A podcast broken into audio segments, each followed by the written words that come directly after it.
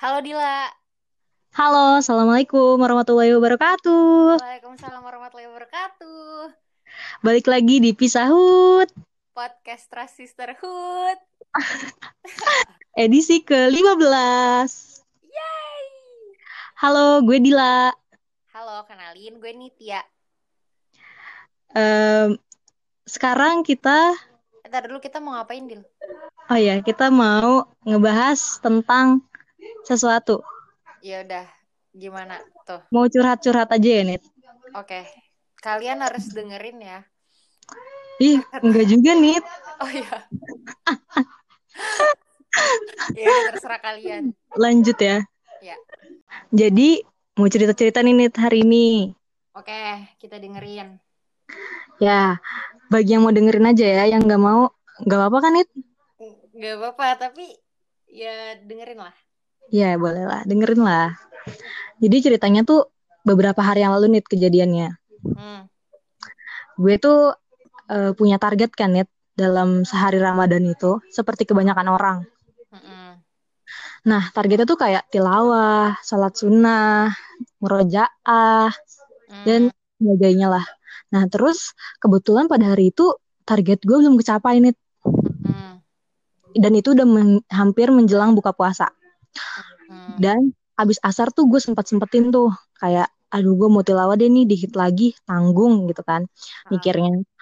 Tapi biasanya kan kalau misalnya udah deket waktu puasa eh waktu buka puasa nih orang tua kan rempong ya maksudnya di dapur tuh riuh gitu. Wah.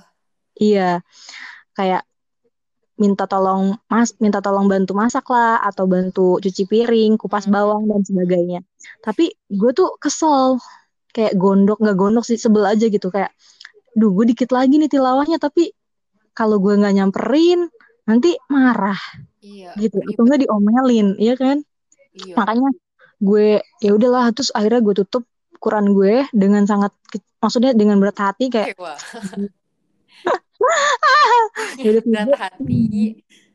iya maksudnya sebel gitu loh Tapi tapi tapi gue juga sama sih kayak gitu.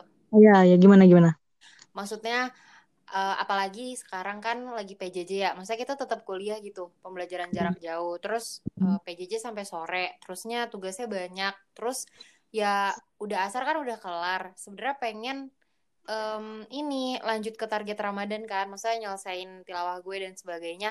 Nah, tapi ya kayak gitu dilemanya. Kadang-kadang pas sudah masuk asar tuh ya udah dipanggil gitu ke dapur atau buat beli takjil atau eh, dan sebagainya dan sebagainya.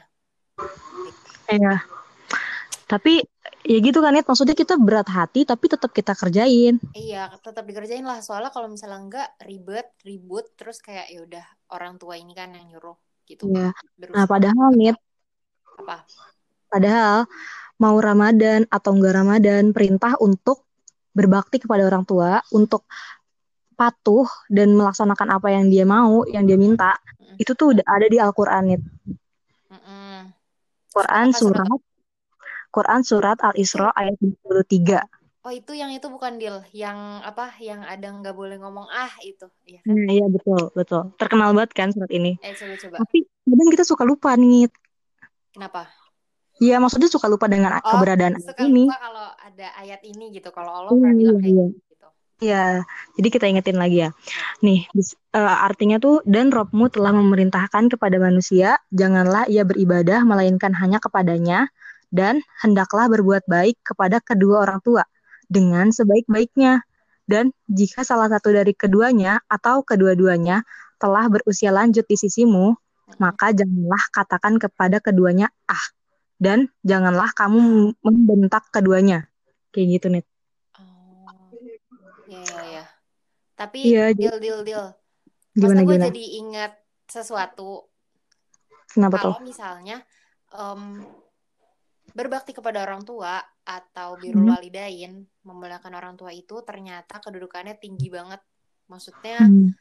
kenapa gue bisa bilang tinggi banget? Karena waktu itu murabi gue juga pernah cerita kalau misalnya kita sadar, kalau misalnya kita perhatiin, Allah itu selalu nurunin perintah untuk berbakti kepada orang tua itu setelah perintah untuk beribadah kepadanya atau nggak boleh nyekutuin dia. Contohnya kayak tadi tuh di yang surat lo bacain Al Isra depannya gimana tuh yang apa sih dan janganlah mempersekutukan aku gitu gak sih Iya, iya betul. Iya, dan berbuat baiklah kepada kedua orang tua gitu kan.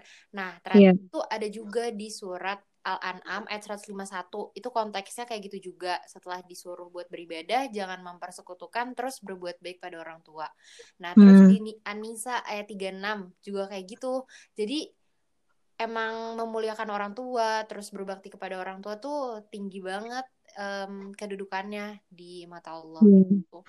Iya, sampai diingetinnya tuh setelah jangan mempersekutukan Allah langsung ke Iya, berbakti itu. kepada orang tua. Heeh, Hmm. Nah, Masya Allah. Nah, ternyata nih, nih imbalannya nih. Kan tadi dibilang kalau misalnya dia tuh sama tingginya dengan jangan mensekutukan Allah.